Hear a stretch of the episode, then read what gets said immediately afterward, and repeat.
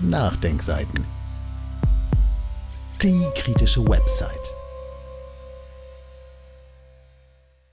GroKo-Propaganda von Oskar Lafontaine in Teil 1, in Teil 2 dann ein Kommentar von Bild und ein Hinweis der Nachdenkseiten auf verwendete Manipulationsmethoden. Verantwortlich Albrecht Müller. Teil 1 von Oskar Lafontaine. Die Großkoalitionäre haben sich auf ein Papier und Posten geeinigt. Jetzt läuft das große Werben um die Zustimmung der SPD-Mitglieder. Eine sozialdemokratische Handschrift ist in der Koalitionsvereinbarung auch beim besten Willen nicht zu erkennen. Höhere Steuern für Superreiche und Großkonzerne wird es nicht geben, ebenso wenig eine Entlastung kleiner und mittlerer Einkommen und eine Bürgerversicherung, in die alle einzahlen, also auch Selbstständige, Beamte und Politiker. Die Zerstörung der gesetzlichen Rente wird nicht rückgängig gemacht. Sachgrundlose Befristung und Leiharbeit werden nicht verboten. Die Rutschbahn der Löhne nach unten namens Hartz IV bleibt bestehen.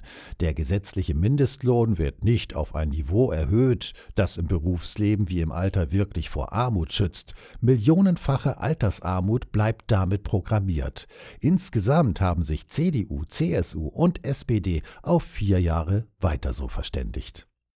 Aber weil man mit weiter so die Gunst vieler Sozialdemokraten in der SPD nicht gewinnt, wird nun krampfhaft der Eindruck erweckt, die SPD habe sich durchgesetzt. Bild führt diese Propagandaschlacht an. Zitat Um ihre Macht zu erhalten, hat sie, gemeint ist Angela Merkel, den Sozialdemokraten die wichtigsten Ministerien überlassen und damit die erste SPD-Regierung unter Führung einer CDU-Kanzlerin geschaffen. Zitat Ende. Auch die Wirtschaftsverbände machen bei diesem Schauspiel gerne mit. Schließlich müssen sie ihre Pfründe sichern. Und so sagt der Präsident des Bundesverbands der deutschen Industrie, Dieter Kempf, in der Tagesschau, Zitat, ich hoffe natürlich, dass die SPD-Basis zustimmt. Wenn wir unzufrieden sind von Seiten der Wirtschaft, dann müsste es eigentlich umgekehrt so sein, dass Teile der SPD zufrieden sind mit dem erreichten Kompromiss. Zitat Ende. Warum er hofft, dass die SPD-Basis einem Vertrag zustimmt, mit dem er doch eigentlich unzufrieden ist, sagt er lieber nicht. Pflichtschuldigst applaudieren auch die Gewerkschaftsvorsitzenden. Verdi-Chef Frank Bsirske schreibt, Zitat, wenn es gelingt, mit dieser Koalitionsvereinbarung die Lebensbedingungen von Millionen Menschen zu verbessern, und das ist bei Pflege, das ist bei Bildung, das ist bei Rente möglich, dann ist das auch ein Signal für eine positive Veränderung der Bedingungen unserer Gesellschaft. Zitat Ende spürbare Verbesserungen in der Pflege, wenn CDU, CSU und SPD 8000 zusätzliche Pflegestellen schaffen wollen, wo nach Aussage von Psirskes Verdi 100.000 Pflegestellen fehlen?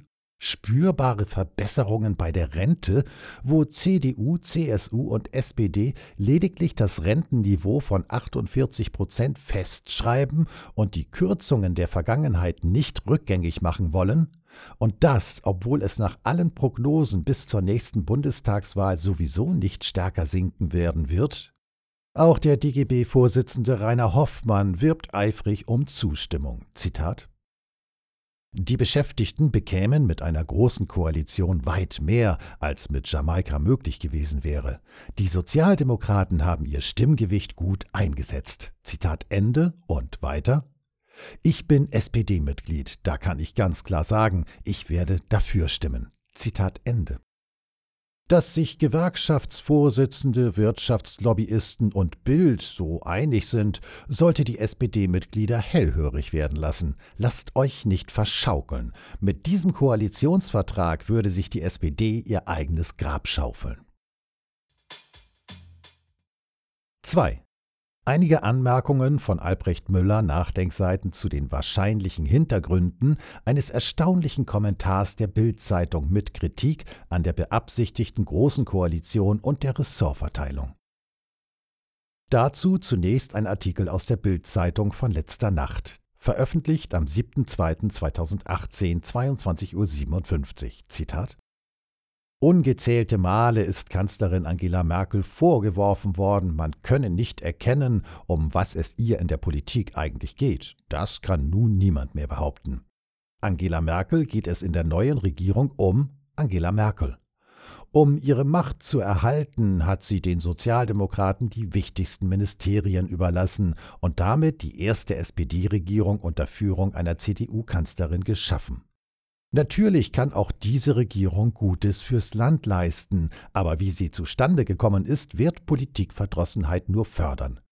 Deutschland hat keine große Koalition, sondern eine Koalition der großen Ichs bekommen, die alle Überzeugungen und all ihre großen und teilweise großspurigen Worte aufgegeben haben, um ein Amt zu ergattern. Vorneweg die Kanzlerin.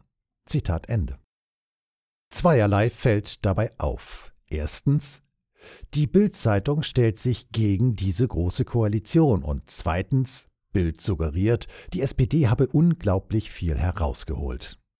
Damit könnte die Bild-Zeitung den Trend der SPD-Mitglieder verstärken, bei der Mitgliederentscheidung zum Verhandlungsergebnis Ja zu sagen. Der Kommentar könnte aber auch dem Ziel dienen, gegen die Große Koalition im konservativen Lager Widerstand zu mobilisieren. Einer meiner Gesprächspartner und Beobachter der Berliner Szene hält diese Wertung für schlüssig. Die dahinter steckende Vermutung, die rechtskonservativen Kräfte in Deutschland wollen eine Entwicklung wie in Österreich, setzen auf ein Scheitern der Großen Koalition und auf Neuwahlen. Das sind zugegebenermaßen Spekulationen, aber ganz abwegig nicht. Noch eine Beobachtung zu den Methoden der Manipulation. Insgesamt ist die öffentliche Debatte zurzeit davon gekennzeichnet, dass die Meinungsführer mehrheitlich die These vertreten, das Verhandlungsergebnis trage eindeutig eine sozialdemokratische Handschrift.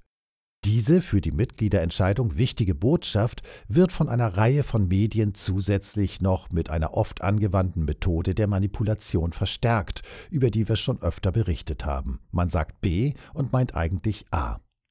Also zum Beispiel heute früh im Deutschlandfunk, wieder mal zeige sich, dass die SPD unfähig sei, ihre Erfolge positiv herauszustellen und zu feiern. Botschaft B lautet also, die SPD stelle ihr Licht unter den Scheffel. Transportiert wird damit die Botschaft A, es gäbe ein Licht, die SPD habe viel erreicht. Diese Methode habe ich am 29. Juli 2015 hier verlinkt erläutert. Beobachten Sie mal das weitere Geschehen. Diese Methode wird uns nämlich noch ein paar Tage begleiten. Und wie so oft weisen wir auf die Manipulationsmethoden hin, damit möglichst viele Menschen lernen, sich die Freiheit ihres Urteils zu bewahren.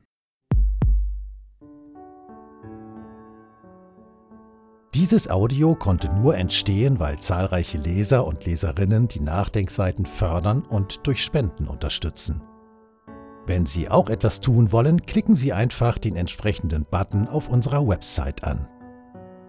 Übrigens, Sie können uns auch bei iTunes, SoundCloud und YouTube hören und wenn Sie mögen, gerne unseren Kanal abonnieren und eine positive Bewertung für uns abgeben. Wir freuen uns über Ihre Unterstützung und die Weiterverbreitung unserer Inhalte.